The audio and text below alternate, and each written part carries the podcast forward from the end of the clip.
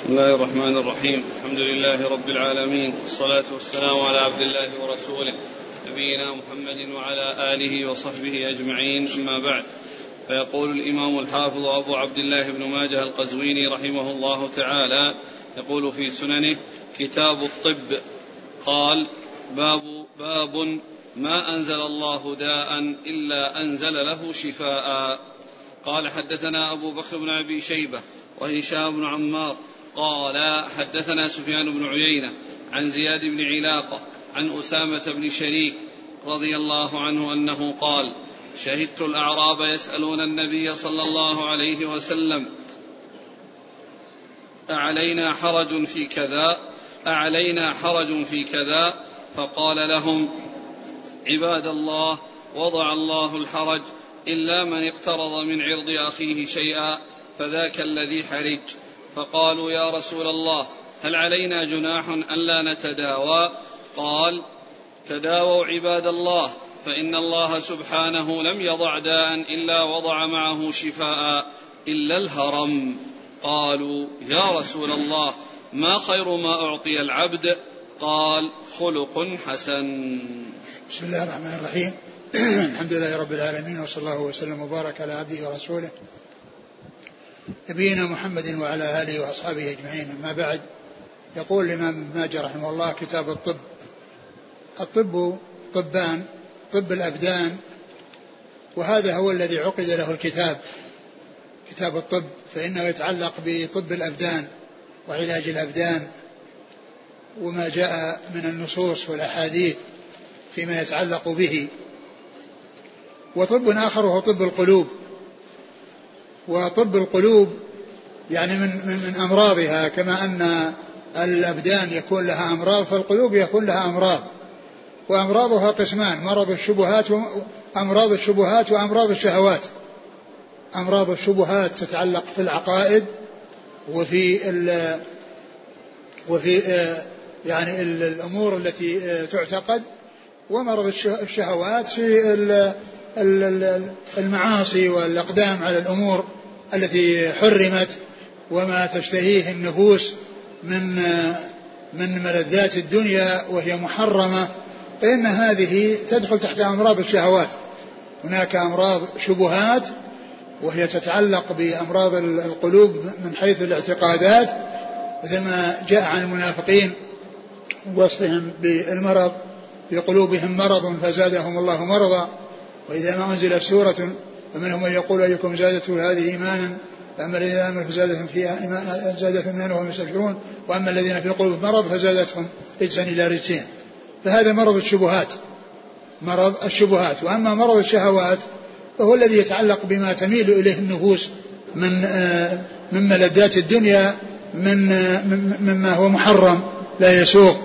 وهذا مثل ما يتعلق في النساء وفتنة النساء والميل إلى النساء وتحصيل يعني منهن ما هو محرم بالنظر المحرم أو بالوسائل التي تؤدي إلى الفاحشة أو فعل الفاحشة. هذا كله يتعلق بأمراض الشبهات الشهوات. ولهذا جاء النبي صلى الله عليه وسلم أنه قال حفت الجنة بالمكاره وحفت النار بالشهوات حفت الجنة بالمكاره وحفت النار بالشهوات. الطريق إلى الجنة يحتاج إلى تعب ونصب وصبر على الطاعات ولو شقت على النفوس والطريق إلى النار يحتاج إلى صبر على المعاصي ولو مالت إليها النفوس لأن الصبر ثلاثة أقسام. صبر على طاعة الله وصبر عن معاصي الله وصبر عن أقدار الله على أقدار الله المؤلمة. فصبر على طاعة الله أي صبر على الطاعات ولو شقت على النفوس لأن العاقبة حميدة. وقد قال عليه الصلاة والسلام حفت الجنة بالمكاره يعني الطريق إلى الجنة يحتاج إلى صبر واحتساب وفعل للطاعات ولو كانت شاقة على النفوس لأن العاقبة حميدة. وأما العكس من ذلك النار حفت بالشهوات. الإنسان إذا أرخى لنفسه العنان في الأمور المحرمة وما تشتهي نفسه وما يعني يناسبها يعني سواء من فعل الفاحشة أو فعل أكل الربا أو أكل أموال اليتامى أو ما إلى ذلك من الأمور المحرمة من الأمور آه، آه، آه، المحرمة هذه يصبر عليها هذه معاصي يصبر عنها. حفت الجنة بالمكاره وحفت النار بالشهوات. فيصبر على الطاعات ولو شقت عن النفوس ويصبر عن المعاصي ولو مالت إليها النفوس. ويصبر على أقدار الله المؤلمة. إذا حصل الإنسان مصيبة في بدنه أو ماله أو ولده أو ما إلى ذلك مما يقدره الله عز وجل عليه فإنه يصبر ويحتسب ولا يتسخط على قضاء الله وقدره. لأن كل ما شاء الله كان وكل ما لم يشاء لم يكن. إذا هناك طب قلوب وهذا يتعلق ب وهذا لا علاج له إلا الوحي. طب القلوب يعني لا يكون إلا بالوحي. يعني كتاب الله وسنة رسوله صلى الله عليه وسلم. هذا هو الذي تعالج به أمراض القلوب.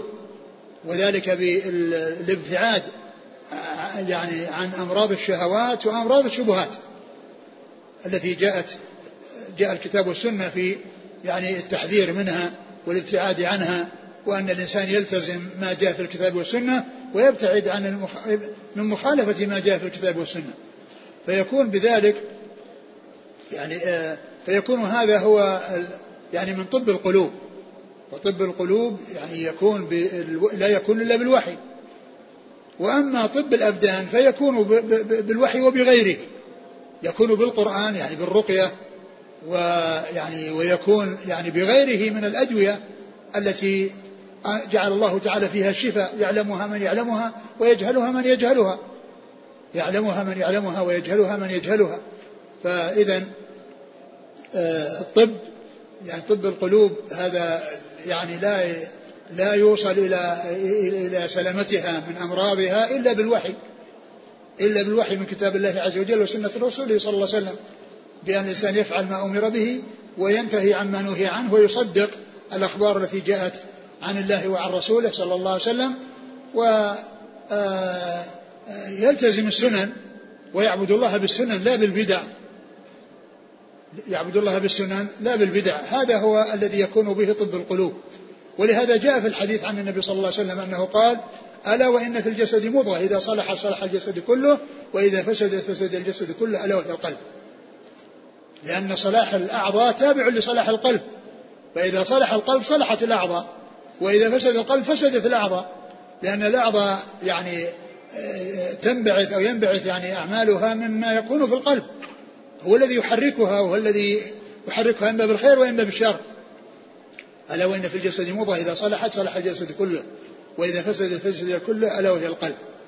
وقال عليه الصلاة والسلام التقوى ها هنا. ويشير إلى قلبه ثلاث مرات. والمقصود بقولها التقوى ها هنا يعني أن التقوى محلها القلب.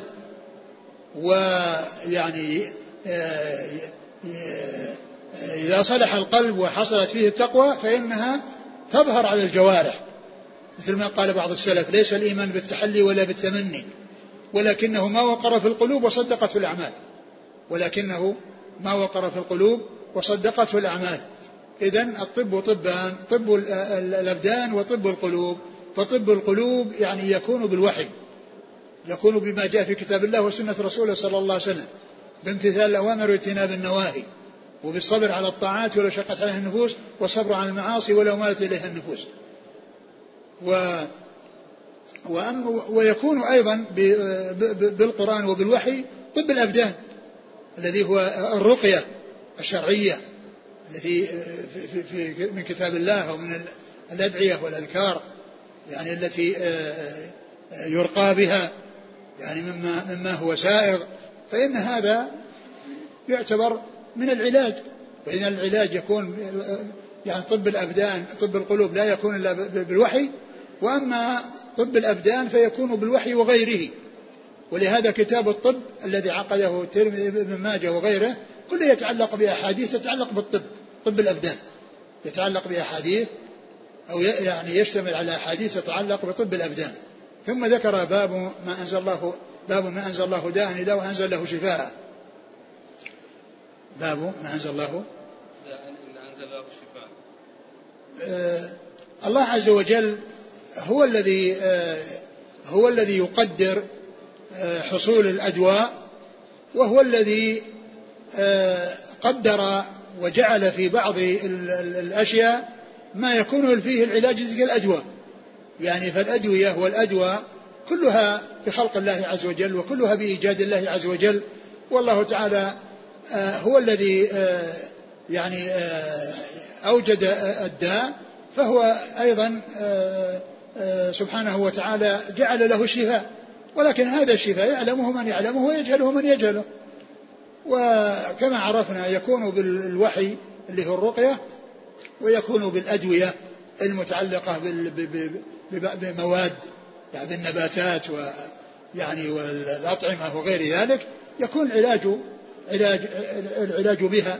وما من داء أنزل إلا وله دواء. لكن يعلمه من يعلمه ويجهله من يجهله. ثم ذكر حديث أسامة بن شريك قال شهدت الأعراب يسألون النبي صلى الله عليه وسلم أعلينا حرج في كذا أعلينا حرج في كذا؟ فقال لهم عباد الله وضع الله الحرج إلا من اقترض من عرض أخيه شيئا فذاك الذي حرج. يعني يقول شهدت الأعراب يسألون النبي صلى الله عليه وسلم يقول علينا حرج في كذا في كذا يعني علينا إثم إذا فعلنا كذا وكذا. علينا إثم إذا فعلنا كذا وكذا. فقال عليه الصلاة والسلام الله وضع عليكم الحرج. عنكم الحرج. يعني ما في يعني إثم يعني في الشيء الذي آه، يعني هو مباح لكم ومشروع لكم. وإنما الحرج والإثم يكون في آه، مخالفة الشرع وفي الوقوع في الأمور المحرمة. ثم ذكر مثالا قال وإنما الحرج على من اقترض عرض أخيه فذلك الذي حرج وأثم. فقط حرج. فذلك الذي حرج يعني حصل له الحرج وحصل له الإثم. ونص على يعني على على ذكر آه، اقتراض الأعراض لخطورته. يعني مثل الغيبة والنميمة وما إلى ذلك. هذا هو الذي فيه تقرض الأعراض يعني تقطع. يعني تؤكل لحوم الناس. تؤكل اللحوم بالغيبة والنميمة. يعني معناه أنها كانت تقطع وتمزق. فهذا الذي اعترض اقترض عرض أخيه فهذا هو الذي حرج يعني هذا هو الذي أثم وهذا الذي حصل له الإثم. وهذا مثال من الأمثلة التي يكون بها الحرج. وذكره صلى الله عليه وسلم للتنبيه على خطورته وعلى عظم مضرته وأنه يترتب عليه الضرر ويترتب عليه العداوة والبغضاء ويترتب عليه العقوبة. في الدنيا والآخرة. ولهذا النبي صلى الله عليه وسلم لما سأل أصحابه وقال أتدرون من المفلس؟ قالوا يا رسول الله المفلس من لا درهم عنده ولا متاع. يعني ظنوا أنه يريد مفلس الدنيا. ظنوا أنه يسألهم عن مفلس الدنيا الذي ما عنده درهم ولا متاع. لكنه صلى الله عليه وسلم أراد مفلس الآخرة. أراد أن يبين لهم المفلس حقا مفلس الآخرة. لأن المفلس الدنيا مفلس. ولكن أشد منه إفلاسا مفلس الآخرة. فقال المفلس يعني حقا وإن كان الذي لا درهم عنده ولا متاع قال مفلس في الدنيا لكن المفلس مفلس الآخرة. قال من يأتي يوم القيامة بصلاة وصيام ويأتي وصدقة وزكاة ويأتي وقد شتم هذا وضرب هذا وسفك دم هذا وأخذ مال هذا. فيعطى لهذا من حسناته وهذا من حسناته فإن فنيت حسناته قبل أن يقضى ما عليه أخذ من سيئاته فطرح عليه ثم طرح في النار. الرسول صلى الله عليه وسلم بين أن أن ما أبيح لهم وما شرع لهم لا حرج فيه ولا إثم وإنما الحرج والإثم يكون في مخالفة الشرع ويكون ويكون في وقوع في الوقوع في المعاصي وبترك الأوامر. لأن ترك الأوامر معصية والوقوع في الأمر المحرم معصية. والإنسان عليه أن أن يطيع الله في امتثال ما أمر وأن يطيعه في اجتناب ما نهى عنه وزجر. وأن تكون عبادته لله عز وجل وفقا للسنن. لا تكون مبنية على البدع والمحدثات والأمور المنكرة التي ما أنزل الله بها من سلطان. نعم بعده فقالوا يا رسول الله هل علينا جناح ألا نتداوى؟ قال هل علينا جناح ألا نتداوى؟ فقال تداووا فأرشدهم صلى الله عليه وسلم إلى التداوي. والتداوي جائز بالاتفاق وهو لا ينافي التوكل. التداوي لا ينافي التوكل يعني كون الإنسان يأخذ بالأسباب ويتوكل على الله هذا هو المشروع. ليس للإنسان أن يأخذ بالأسباب ويغفل عن مسبب الأسباب وهو الله سبحانه وتعالى فيجعل الأمور كأنها أمور طبيعية وأمور مادية وليس هناك شيء وراء ذلك. ولا أن يترك الأسباب ويقول أنه متوكل على الله وأن الله عز وجل إذا كان مقدر لشيء سيأتيه. هذا ليس بتوكل هذا تواكل وهذا ضعف وهذا ضعف في العقل. وإنما الإنسان يفعل الأسباب ويتوكل. ولهذا النبي صلى الله عليه وسلم قال المؤمن القوي خير وأحب إلى الله من المؤمن الضعيف وفي كل خير. احرص على ما ينفعك واستعن بالله. قال احرص على ما ينفعك هذا أخذ بالأسباب واستعن بالله توكل على الله واعتماد على الله وطلب العون والتوفيق من الله سبحانه وتعالى. إذا لابد من الأمرين. للوصول للوصول إلى ما يريد الإنسان. يفعل الأسباب فلا يهملها ويقول أنه متوكل. ولا يقول أنه متوكل ويهمل الأسباب. يعني بأن يقول مثلا أنا أغلق علي بابي وإذا الله مقدر اللي رزق يأتيني هذا جهل هذا سفه وهذا ضعف في العقل. الرسول صلى الله عليه وسلم بين قال لو أنكم توكلون على الله حق توكله لرزقكم كما يرزق الطير. الطير تبقى في أوكارها تنتظر شيء يأتيها. بين صلى الله عليه وسلم كيف تفعل؟ وأنها تأخذ بالأسباب. قال تغدو خماصا وتروح بطانا يعني إذا جاء في الصباح وطلع النهار وجاء النور وانتهى الظلام خرجت من أوكارها تبحث عن الرزق في الصباح. ثم تعود في آخر الأمر بطانة ممتلئة البطون. في أخذ الأسباب. لا بد الأسباب. إنسان يريد أن يحصل ولد يقول الله إن كان قدر لي ولد يأتيني ولا ما تزوجت هذا سفه الله عز وجل جعل الولد لا يأتي إلا عن طريق الزواج أو عن طريق التسري. عن طريق الزوجة أو ملك اليمين. هذا هو الولد ما يأتي إلا من هذه الطريق. ما يأتي ولد بغير هذه الطريق. وهذا سبب ولكن قد يفعل السبب ولا يحصل المقصود. إذا شاء الله أن لا يوجد الولد يحصل الزواج ولا يأتي الولد. فإذا جمع الإنسان بين كونه يأخذ بالأسباب ويستعين بالله ويسأل الله أن ينفع بالأسباب هذا هو الذي جمع بين الحسنيين. استعن بالله واحرص على ما ينفعك واستعن بالله. احرص على ما ينفعك خذ بالأسباب. واستعن بالله لا تعتمد على الأسباب وتصير كل شيء عندك بل هناك شيء وراءها. إذا لم يجعل الله السبب يعني نافعا ما ما ما ترتب عليه أثره المطلوب. فإذا لابد من الأمرين أخذ بالأسباب واعتماد على الله. والتداوي لا ينافي التوكل. بل الإنسان يتداوى وهو متوكل. والرسول صلى الله عليه وسلم سيد المتوكلين. وقد أخذ بالأسباب عليه الصلاة والسلام. فكان يلبس المغفر على رأسه ليقيه السهام. يعني يلبس يأخذ بالأسباب التي تمنع الشر. وتمنع الوصول الأذى إليه. فالأخذ بالأسباب مطلوب والاعتماد على الله عز وجل مطلوب ولا بد من الجمع بين هذا وهذا. قال تدا قال علينا حرج ان قال تداووا. ومن العلماء من قال إنه جائز ومنهم من قال إنه مستحب. تداووا عباد الله فإن الله سبحانه لم يضع داء إلا وضع معه شفاء. فإن الله إلا الهرم؟ إلا الهرم نعم. نعم فإن الله لم يضع داء إلا وضع له شفاء. يعني الأدوية التي تحصل هناك أدوية تقاومها إما تدفعها يعني حتى لا يعني تأتي أو ترفعها بعد وجودها. يعني ففيه أدوية أدوية للدفع اللي هي وقاية والتي وأيضا أدوية للرفع بعد وقوع المرض يعني تكون سببا بإذن الله برفعه.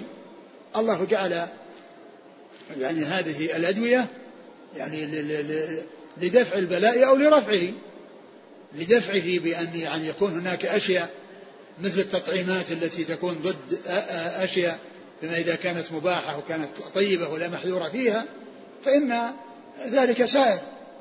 والرسول صلى الله عليه وسلم جاء ما يدل عنه عليه على ذلك. قال من تصبح بسبع ثمرات يعني لم يصيبه يعني كذا. يعني معناه إن هذا هذا من الوقاية. وال يعني دفع الشيء قبل وقوعه. وأيضا تكون علاج للشيء بعد وقوعه. بعد ما ينزل المرض يعالج. بالأدوية التي آه، يعني تنفع في في رفعه والله عز وجل ما أنزل ما وضع داء إلا وضع له شفاء. يعني ولكن يعلم يعلم ذلك من يعلم ويجهله من يجهله. التداوي سائغ وجائز ولكن مع التوكل على الله عز وجل. نعم. قالوا يا رسول الله ما خير ما أعطي العبد؟ قال خلق حسن. قالوا يا رسول الله ما خير ما أعطي العبد؟ قال خلق حسن. الأخلاق الحسنة والأخلاق الكريمة هذه يعني جاءت الأحاديث الكثيرة في مدحها وفي الثناء عليها. والرسول صلى الله عليه وسلم يقول ما أعطي يعني آه، ابن آدم أحسن من من من أعظم من حسن من حسن من خلق حسن. وقال عليه الصلاة والسلام لمن استوصاه اتق الله حيثما كنت وأتبع السيئة الحسنة تمحها وخالق الناس بخلق حسن. وكذلك الحديث الذي فيه أنا ضامن في بيت لمن في على الجنة لمن أو وسط الجنة لمن حسن خلقه. فأحاديث كثيرة. قال قال ما, ما أحسن ما أعطي ما, ما خير ما أعطي العبد؟ ما خير ما أعطي العبد؟ قال خلق حسن. لأن الخلق الحسن يعني يكون لصاحبه قبول عند الناس. يعني يحبون لقاءه ويحبون آه، مجالسته. ويحبون مخالطته ويحبون مصالحته مصاحبته لأنه آه، لا يحصل مراه إلا خير مثل الجليس الصالح. الجليس الصالح يستفيد منه من يجالسه. الجليس الصالح يستفيد منه من يجالسه. وكون الإنسان آه، يعني يعرف أن الشيء الذي ينبغي أن يلقاه الناس منه هو الذي يحب أن يلقاه هو من الناس. لأن النبي صلى الله عليه وسلم قال من أحب أن يزحزح عن النار ويدخل الجنة فلتأتيه منيته وهو يؤمن بالله واليوم الآخر وليأتي إلى الناس الذي يحب أن يؤتى إليه. يعني عامل الناس مثل ما تحب أن يعاملوك به. كما أنك تحب أن تعامل معاملة طيبة عامل الناس معاملة طيبة وهذا يكون معه بالأخلاق الكريمة. ومن الأخلاق الكريمة يعني كون الإنسان يقابل السيئة بالحسنة كما قال الله عز وجل ادفع بالتي هي أحسن فإذا الذي بينك وبينه عداوة كأنه ولي حميم وما يلقاها إلا الذين صبروا وما يلقاها إلا ذو حظ عظيم. والأخلاق الكريمة كثيرة. يعني في الجود والجود والكرم والعفو والصفح ويعني وال والحسن حسن اللقاء والقوة في يعني في الدين. وفي الجسد الذي يكون فيه قوة الدين كما قال صلى الله عليه وسلم المؤمن القوي خير وأحب إلى الله من المؤمن الضعيف وفي كل خير. ف وكذلك التواضع أخلاق أخلاق كثيرة. وهذه الأخلاق الكريمة والكثيرة آه، آه، أعظم الناس حظا فيها ونصيبا فيها رسول الله صلى الله عليه وسلم. لأن كل خلق كريم لرسول الله صلى الله عليه وسلم منه الحظ الأوفر والنصيب الأكبر. وقد قال الله عنه وإنك لعلى خلق عظيم. فحسن الخلق يعني فيه يعني آثاره عظيمة ونتائجه كبيرة والناس يحبون لقاء من يكون كذلك بخلاف من يكون خلقه ليس بالحسن فإنه لا يفرح بلقائه ولا يحرص على اللقاء قال حدثنا أبو بكر بن أبي شيبة. ثقة أخرج أصحاب الكتب إلى الترمذي. وهشام بن عمار. صدوق أخرجه البخاري وأصحاب السنن عن سفيان بن عيينة. ثقة أخرج أصحاب الكتب. عن زياد بن علاقة. وهو؟ ثقة أخرج أصحاب الكتب. نعم. عن أسامة بن شريك. رضي الله عنه أخرج له. أصحاب السنن. نعم. قال حدثنا محمد بن الصباح. قال حدثنا سفيان بن عيينة عن الزهري عن ابن أبي خزامة. قال سأل رسول الله صلى الله عليه سئل رسول الله صلى الله عليه وسلم أرأيت أدوية نتداوى بها ورقا نسترقي بها وتقى نتقيها؟ هل ترد من قدر الله شيئا؟ قال هي من قدر الله. ثم ذكر هذا الحديث الحديث الذي سئل النبي صلى الله عليه وسلم عن عن عن أدوية. نعم. أرأيت أدوية نتداوى أدوية بها؟ نتداوى بها. يعني يسألونه عن التداوي بالأدوية بالأدوية التداوي بالأدوية. نتداوى بها ورقا نرتقيها. يعني آه الذي هو النف يعني في ال يعني في ال على المريض. وذلك بالقرآن والأدعية والأذكار التي آه التي هي الرقية.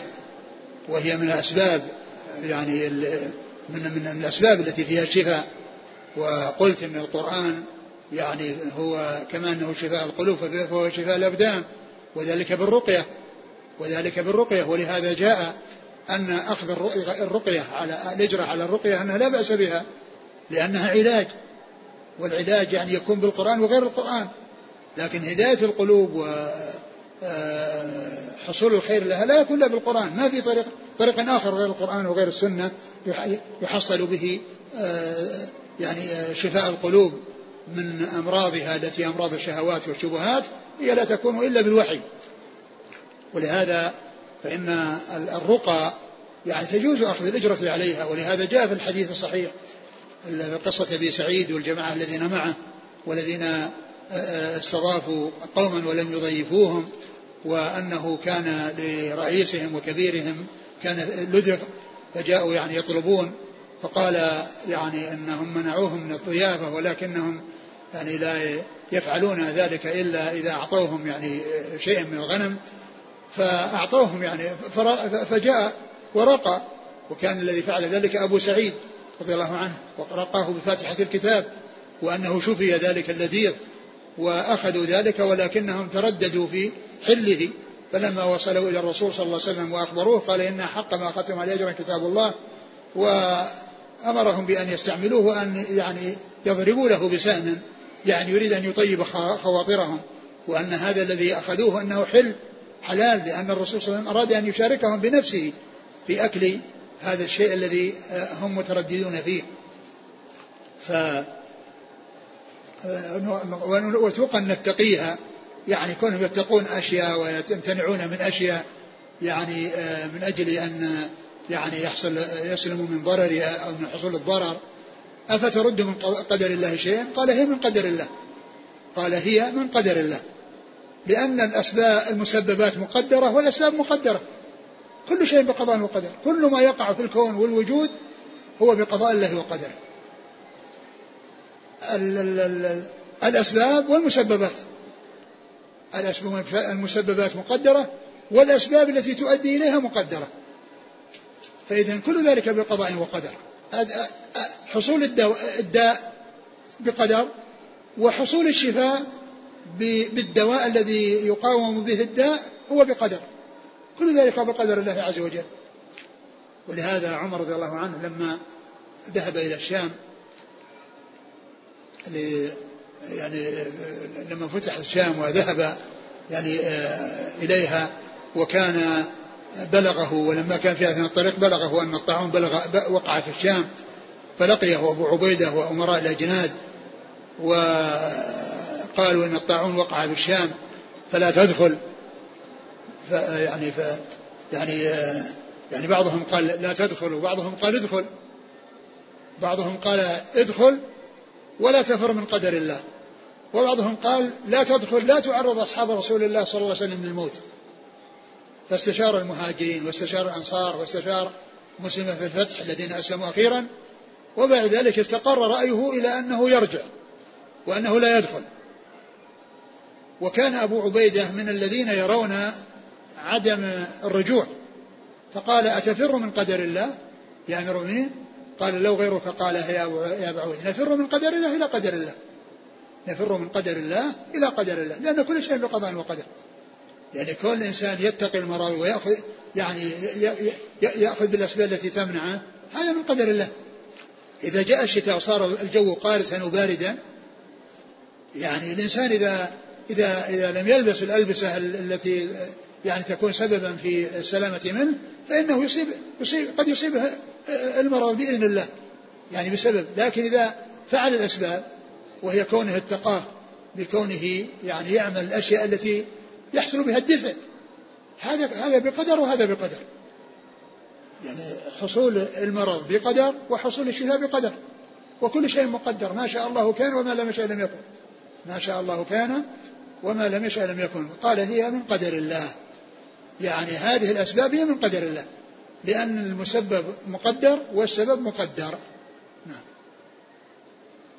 قالوا آه، سئل صلى الله عليه وسلم أرأيت أدوية نتداوى بها ورقا نسترقي بها وتقى نتقيها؟ نعم تقى نتقيها يعني أشياء يعني يعني لعل المقصود من ذلك آه، يعني أشياء يعني آه، يتقونها ليسلموا من المرض.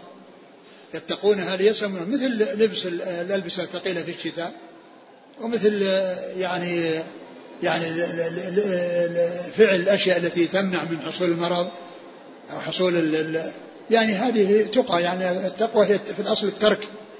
يعني يعني ترك الأشياء التي تعود بالمضرة. وهي في الأصل تقوى الله عز وجل تكون بامتثال الأوامر وترك النواهي. لكن اتقاء الشيء يعني توقيه والسلامة من من من من حصول الضرر الذي يحصل به. نعم. قال حدثنا محمد بن الصباح. هو صدوق له؟ أبو داود بن ماجه. نعم. عن سفيان بن عيينة عن الزهري. محمد بن مسلم عبد الله الزهري ثقة أخرج أصحاب الكتب. عن ابن أبي خزامة. عن ابن أبي آه، خزامة عن أبيه وقيل عن أبي خزامة عن أبيه وهو مجهول. وأما أبوه صحابي له هذا الحديث. نعم. إذا الصواب في الإسناد؟ هو الحافظ بن حجر ذكر قال إن أنه هو الصواب أنه أبو جنادة عن أبيه. أبي خزامة أبي أبي خزامة عن أبيه. عندنا في بعض النسخ عن ابن أبي خزامة قال سئل رسول الله صلى الله عليه وسلم. في بعض النسخ لا ابن أبي خزامة. إنه ساقط إنه ساقط منه. عن أبيه. عن أبيه نعم يمكن ساقط عن أبيه.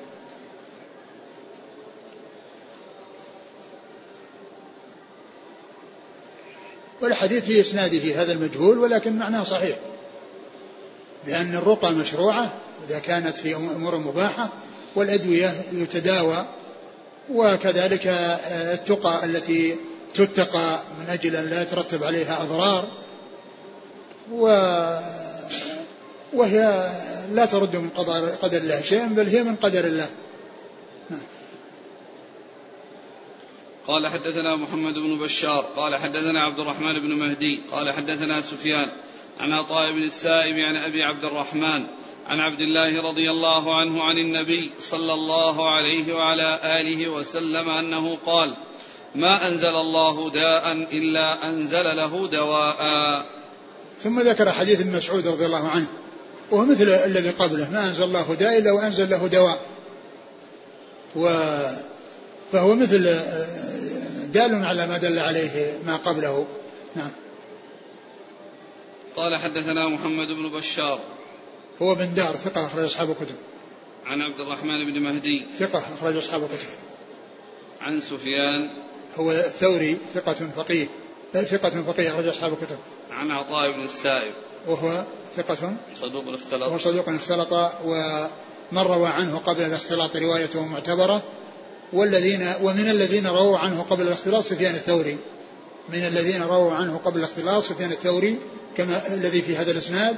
فإذا الإسناد صحيح لأن ما يخشى من الاختلاط من اختلاط عطاء بن السائب قد زال لكون الراوي عنه سفيان الثوري وهو ممن روى قبل الاختلاط.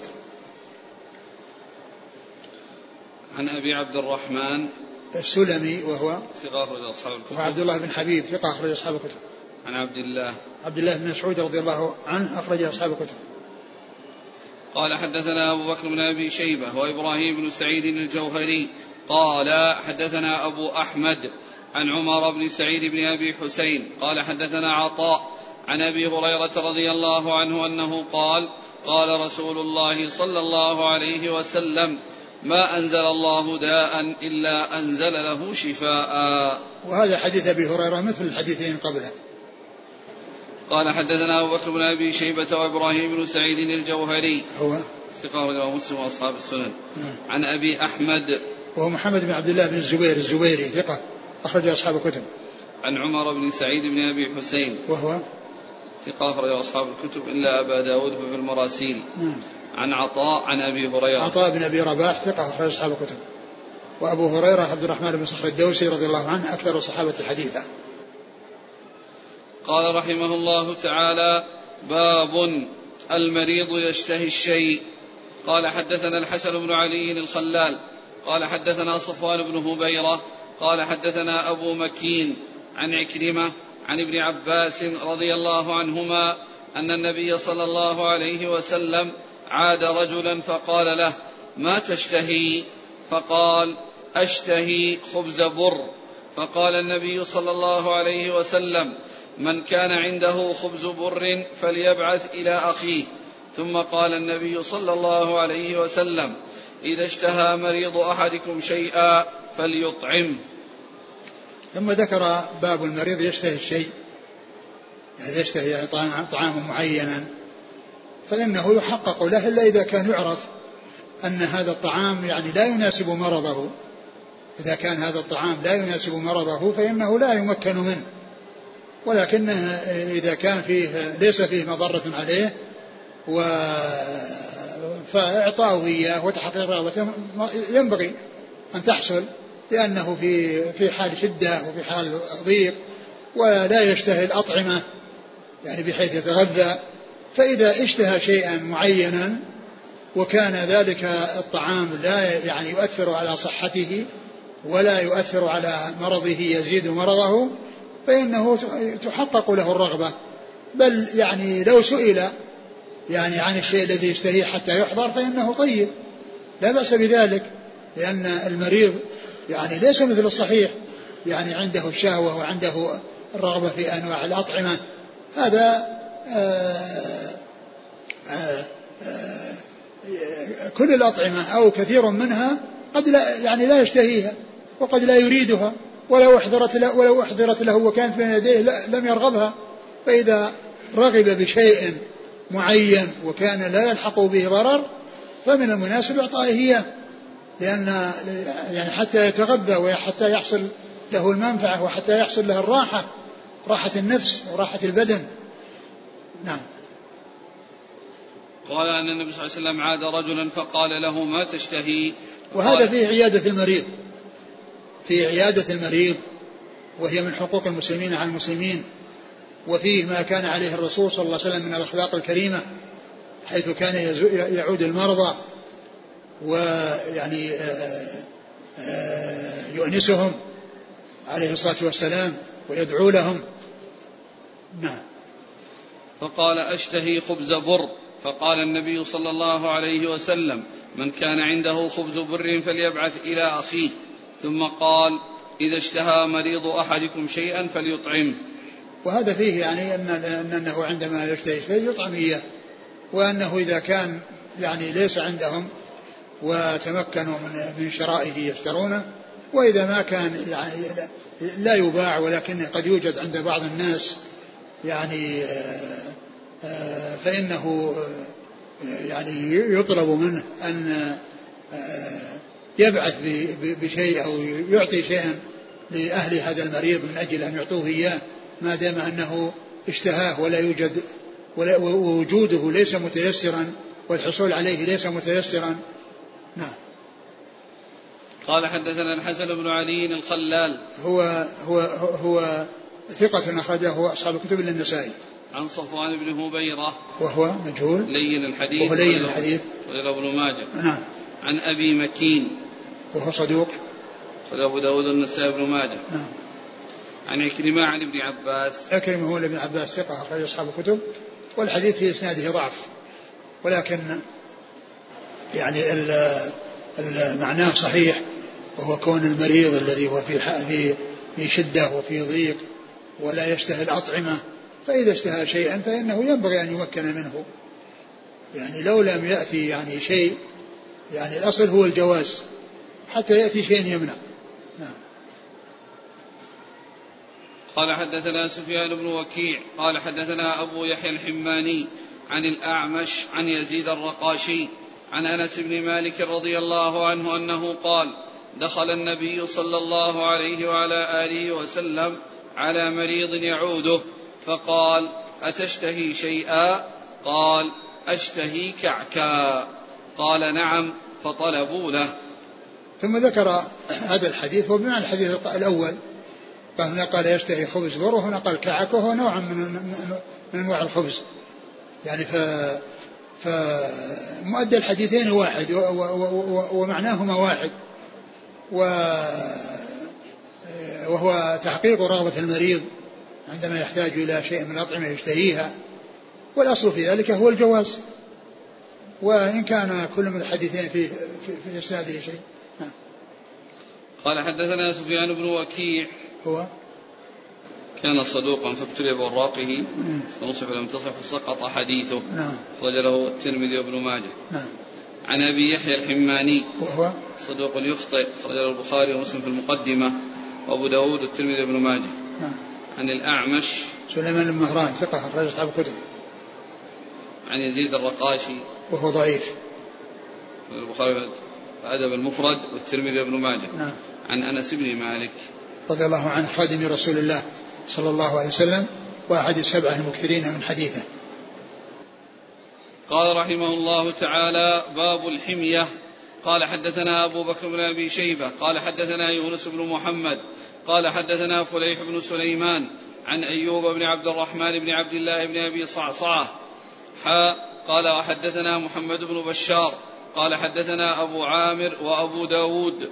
قال حدثنا فريح بن سليمان عن أيوب بن عبد الرحمن عن يعقوب بن أبي يعقوب عن أم المنذر بنت قيس الأنصارية رضي الله عنها أنها قالت دخل علينا رسول الله صلى الله عليه وسلم ومعه علي بن أبي طالب رضي الله عنه وعلي ناقه من مرض ولنا دوال معلقة وكان النبي صلى الله عليه وسلم يأكل منها فتناول علي ليأكل فقال النبي صلى الله عليه وسلم مه يا علي؟ إنك ناقه. قالت فصنعت للنبي صلى الله عليه وسلم سلقا وشعيرا. فقال النبي صلى الله عليه وسلم يا علي من هذا فأصب فإنه أنفع لك. ثم ذكر الحمية والحمية هي منع المريض من الأشياء أو من الأطعمة أو الأشياء التي آه، تزيد في مرضه. تزيد في مرضه أو يعني كونها متماثل للشفاء. أو ذهب عنه المرض ولكنه عنده بقايا فإنه يمنع من الأشياء التي تزيد في مرضه. وقد وفي هذا الحديث أن أن النبي صلى الله عليه وسلم جاء هو علي رضي الله تعالى عنه وكان ناقها يعني على يعني على إثر يعني مرض يعني خف عنه المرض وحصل الشفاء ولكنه يعني لا يزال أقول لا, لا يزال. يعني فيه في في دور النقاهة كما يقولون في هذا الزمان. فيعني يعني المكث الذي يكون والراحة التي تكون بعد المرض هذا يسمى نقاهة ولهذا قال ناقه يعني أنه على إثر المرض. فكان وكان فيه دوالي يعني قنوان معلقة من التمر والبسر فأراد فأخذ النبي صلى الله عليه وسلم منها؟ فأراد علي أن يأخذ فقال ما يا علي يعني يعني كف يعني لا تأخذ منها. ثم إنه صنعت لهم المرأة آه، آه، سلقا وإيش؟ وشعيرا. وشعيرا. يعني طبخت لهم شيء يعني فيه برودة لأن ذاك فيه حرارة وهذا فيه برودة. والحرارة الرطب وحرارة التمر قد تؤثر على المريض أو على على بعض أنواع المرض. قد يكون لها. وأما يعني الشعير أو أو الطعام الذي طبخ يعني من بر أو شعير أو ما إلى ذلك فإن فيه برودة ليس مثل مثل التمر الذي فيه الحرارة والرطب الذي فيه الحرارة. فلما هذا قال من, من هنا أصب. قال له من هنا أصب فإنه أنفع لك. يعني شيء يناسب وشيء لا يناسب. يعني المريض يعني يحمى من الشيء الذي يزيد مرضه ويمكن من الشيء الذي آه، ينفعه ويزيل عنه المرض أو لا يكون سببا في وجود المرض أو عودة المرض إليه. نعم. قال حدثنا أبو بكر بن أبي شيبة عن يونس بن محمد. هو؟ ثقة أخرج أصحاب الكتب. نعم. عن فليح بن سليمان. وهو صدوق. كثير الخطأ أخرج أصحاب الكتب. نعم. عن أيوب بن عبد الرحمن بن عبد الله بن أبي صعصعة. وهو؟ صدوق أخرجه أبو داود والترمذي وابن ماجه. نعم. حا قال وحدثنا محمد بن بشار عن أبي عامر. أبو عامر العقدي وهو؟ ثقة نعم. نعم الويل ودوة أهل دخان وغلظ سياق لهم لمؤنع نعم. الويل مثل ودوة يقول أو أبو قعيد نعم حرض مع البوي نعم يرسل بحي رفنع نفس الأقصى مسلم وقيلة الأخ عقده يتلايط ذو وديباو نعم. قال حدثنا عبد الرحمن بن عبد الوهاب قال حدثنا موسى بن إسماعيل قال حدثنا ابن المبارك عن عبد الحميد بن صيفي من ولد صهيب عن أبيه عن جده صهيب رضي الله عنه أنه قال قدمت على النبي صلى الله عليه وسلم وبين يديه خبز وتمر.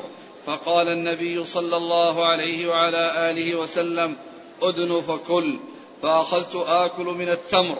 فقال النبي صلى الله عليه وسلم تأكل تمرا وبك رمد؟ قال فقلت إني أمضغ من ناحية أخرى. فتبسم رسول الله صلى الله عليه وسلم.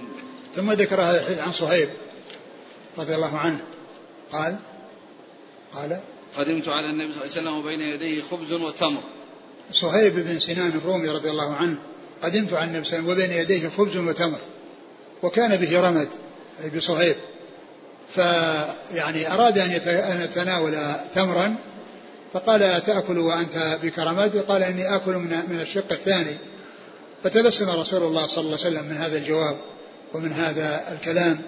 وهذا يفيد بأن الشيء الذي يؤثر على الإنسان أن أنه يتجنبه ويستعمل الشيء الذي آه، لا يؤثر عليه. والحديث في في إسناده مقال. نعم.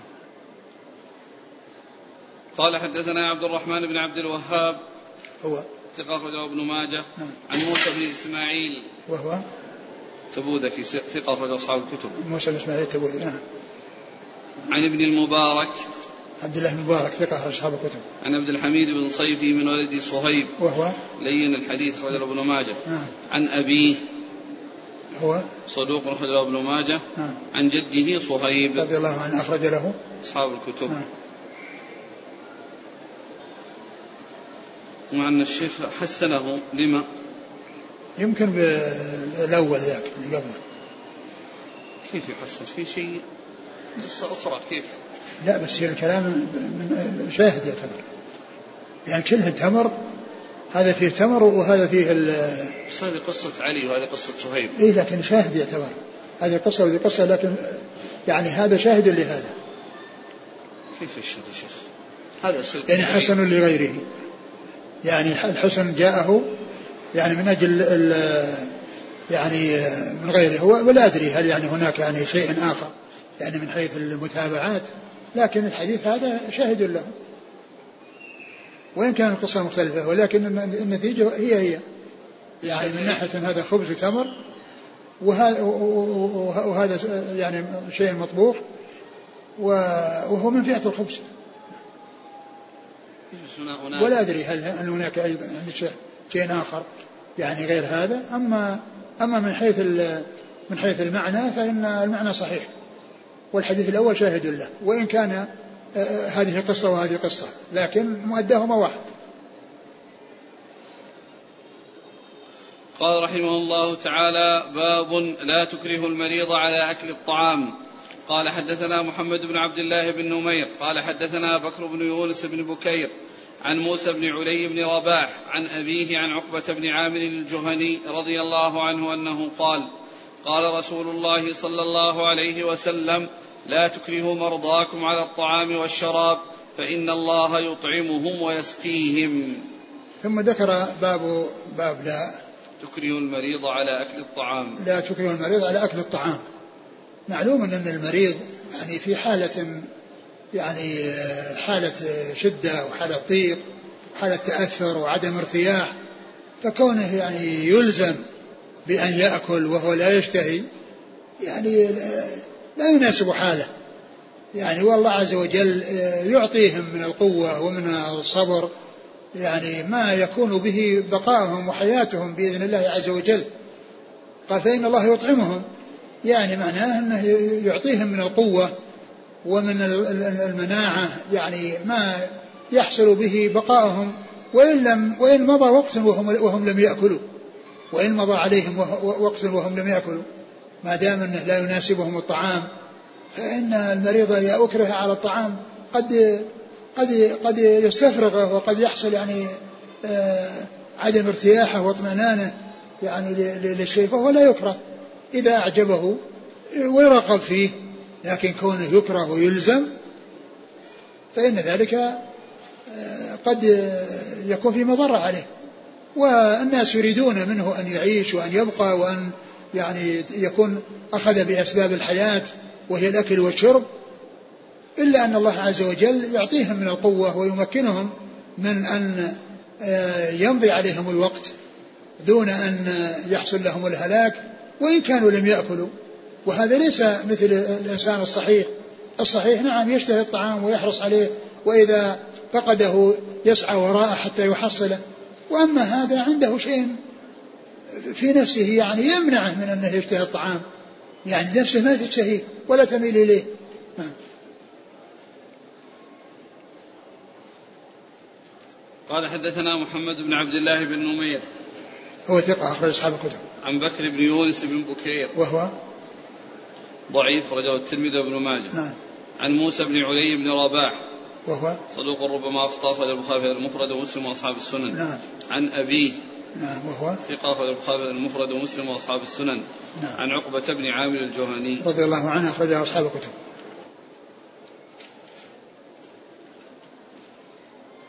قال رحمه الله تعالى باب التلبينة. قال حدثنا إبراهيم بن سعيد الجوهري. قال حدثنا إسماعيل بن علية. قال حدثنا محمد بن السائب بن بركة. عن أمه عن عائشة رضي الله عنها أنها قالت كان رسول الله صلى الله عليه وسلم إذا أخذ أهله إذا أخذ أهله الوعك أمر بالحساء قالت وكان يقول إنه ليرتو فؤاد الحزين ويسرو عن فؤاد السقيم كما تسرو إحداكن الوسخ عن وجهها بالماء. ثم ذكر التلبينة باب التلبينة يعني استعمال التلبينة والتداوي بالتلبينة والعلاج بالتلبينة. والتلبينة قيل هي طعام يصنع من الدقيق وقد يكون من النخالة نخالة الدقيق ويكون معه عسل وقد يكون معه عسل.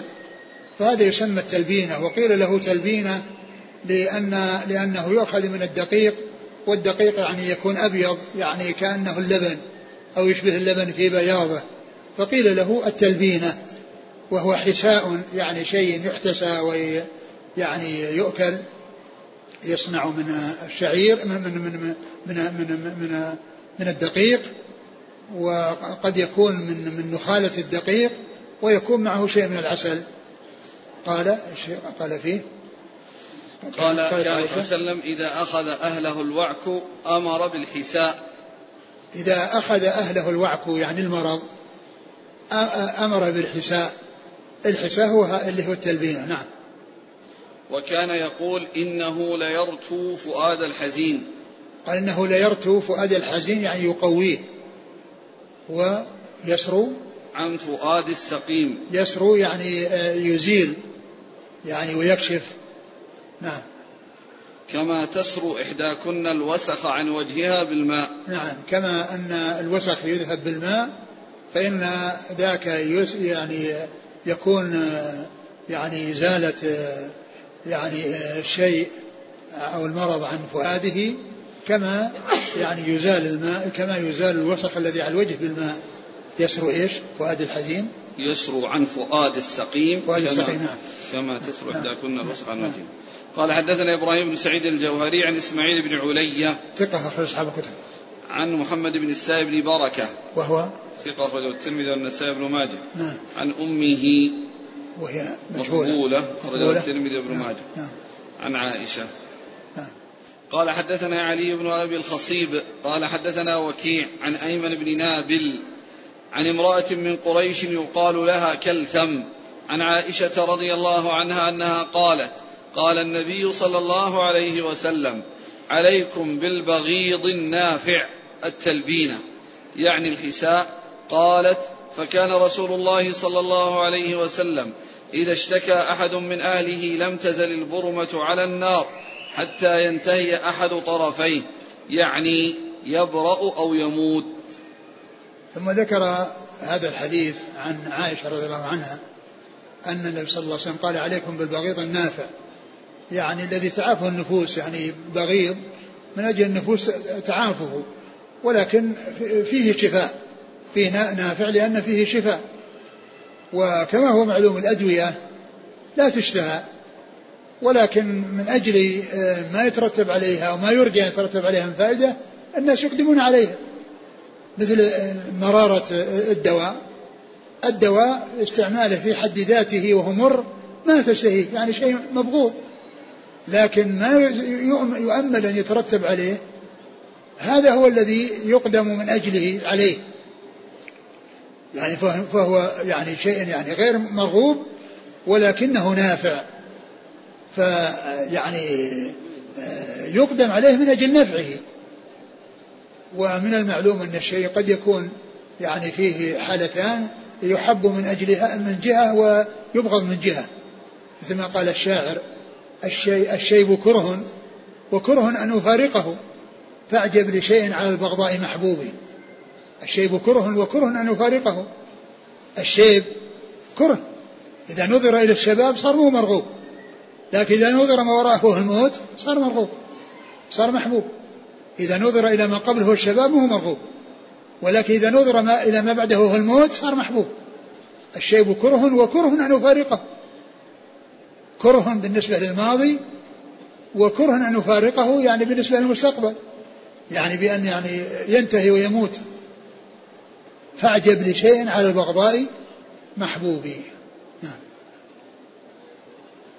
عليكم بالبغيض النافع التلبينة يعني الحساء. قالت فكان رسول الله صلى الله عليه وسلم إذا اشتكى أحد من أهله لم تزل البرمة على على النار حتى ينتهي أحد طرفيه يعني يبرأ أو يموت. يعني معناه أن هذا العلاج أنه يستمرون عليه وأن أنه دائما البرمة على النار يعني فيها هذا الحساء. ويعني حتى يعني يبرأ أو يموت. قال حدثنا علي بن أبي الخصيب. هو صدوق ربما أخطأ أخرج له ابن ماجه. نعم. عن وكيع. ثقة أخرج أصحاب الكتب. عن أيمن بن نابل. ثقة. صدوق صدوق أخرج له.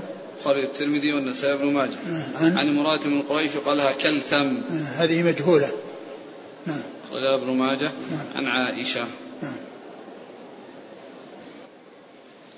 قال رحمه الله تعالى باب الحبة السوداء. قال حدثنا محمد بن رمح ومحمد بن الحارث المصريان. قال حدثنا الليث بن سعد عن عقيل عن ابن شهاب. قال أخبرني أبو سلمة بن عبد الرحمن وسعيد بن المسيب أن أبا هريرة رضي الله عنه أخبرهما أنه سمع رسول الله صلى الله عليه وسلم يقول إن في الحبة السوداء شفاء من كل داء إلا السام والسام الموت والحبة السوداء الشونيز. ثم ذكر باب الحبة السوداء. والحبة السوداء هي يعني آه يعني المعروفة عند الناس وفي كل مكان الناس يعرفونها تسمى الحبة السوداء. والنبي صلى الله عليه وسلم جاء عنه في الأحاديث يعني ما جعل الله تعالى فيها من الشفاء وأن فيها شفاء من كل داء من كل من كل داء إلا الموت إلا السام وهو الموت. وقد فسر يعني هذا العموم في الحديث إما قيل بأنه عام مراد به الخصوص وذلك فيما كان في يعني في الأشياء اللي فيها رطوبة يعني فتقابل يعني بمثل هذه الحبة. وقيل إنه على عمومه وأن الله عز وجل آه، يعني يجعل فيه الشفاء ولكن تحقق المر... الشفاء أو عدم تحققه قد يكون لأسباب أخرى يعني من حيث التناول وعدم ضبط التناول أو عدم أي شيء يشاء الله عز وجل أن يتخلف الشفاء بسببه. لكنها يعني فيها الشفاء. والحبة السوداء توجد ويوجد لها زيوت أيضا زيوت الحبة السوداء. قال حدثنا محمد بن رمح. ثقة أخرجه مسلم وابن ماجه. ومحمد بن الحارث. هو؟ صدوق يغلب أخرجه ابن ماجه. نعم. عن الليث بن سعد. هو ثقة أخرج أصحاب الكتب. عن عقيل. بن عقيل بن خالد بن عقيل المصري ثقة. أخرج أصحاب الكتب. عن ابن شهاب عن أبي سلمة بن عبد الرحمن. أبو سلمة بن عبد الرحمن بن عوف ثقة أخرج أصحاب الكتب. وسعيد بن المسيب. وسعيد بن المسيب ثقة أخرج أصحاب الكتب. عن أبي هريرة. وسعيد بن المسيب هو أحد فقهاء المدينة السبعة بالاتفاق. وأما أبو سلمة بن عبد الرحمن ففيه فهو أحد الثلاثة اللي اختلف في عدهم في السابع. منهم من جعل السابع أبو بكر أبو, أبو, أبو سلمة هذا ومنهم من جعل السابع أبو عبد الرحمن أبو بكر بن عبد الرحمن بن الحارث بن هشام ومنهم من جعل السابع سالم بن عبد الله بن عمر عن أبي هريرة رضي الله عنه. وهذا الإسناد نصفه الأول مصريون ونصفه الثاني الأعلى مدنيون. قال حدثنا أبو سلمة يحيى بن خلف. قال حدثنا أبو عاصم عن عثمان بن عبد الملك. قال سمعت سالم بن عبد الله يحدث عن أبيه رضي الله عنه أن رسول الله صلى الله عليه وسلم قال عليكم بهذه الحبة السوداء فإن فيها شفاء من كل داء إلا السام. ثم ذكر حديث ابن عمر وهو بمعنى الحديث الذي قبله. قال حدثنا أبو سلمة يا ابن خلف هو صدوق له مسلم وداود والترمذي بن ماجه. نعم. عن أبي عاصم. وهو ضحاك المخلد النبيل ثقة أخرج أصحاب الكتب. عن عثمان بن عبد الملك. وهو مستقيم لين الحديث. نعم. أخرجه الترمذي في الشمال وابن ماجه. نعم. عن سالم بن عبد الله. وهو ثقة أخرج أصحاب الكتب. عن أبيه رضي الله عنهما وأحد العبادلة الأربعة من الصحابة وأحد المكثرين السبع المكثرين حديث الرسول صلى الله عليه وسلم. قال حدثنا أبو بكر بن أبي شيبة قال حدثنا عبيد الله قال أنبانا إسرائيل عن منصور عن خالد بن سعد قال خرجنا ومعنا غالب بن أبجر فمرض في الطريق فقدمنا المدينة وهو مريض فعاده ابن أبي عتيق فقال لنا عليكم بهذه الحبة السوداء فخذوا منها خمسا أو سبعا فاسحقوها ثم اقطروها في أنفه بقطرات زيت في هذا الجانب وفي هذا الجانب بقطرات إيش؟ بقطرات زيت نعم. في هذا الجانب وفي هذا الجانب فإن عائشة رضي الله عنها حدثتهم أنها سمعت رسول الله صلى الله عليه وسلم يقول إن هذه الحبة السوداء شفاء من كل داء إلا أن يكون السام. قلت وما السام؟ قال الموت.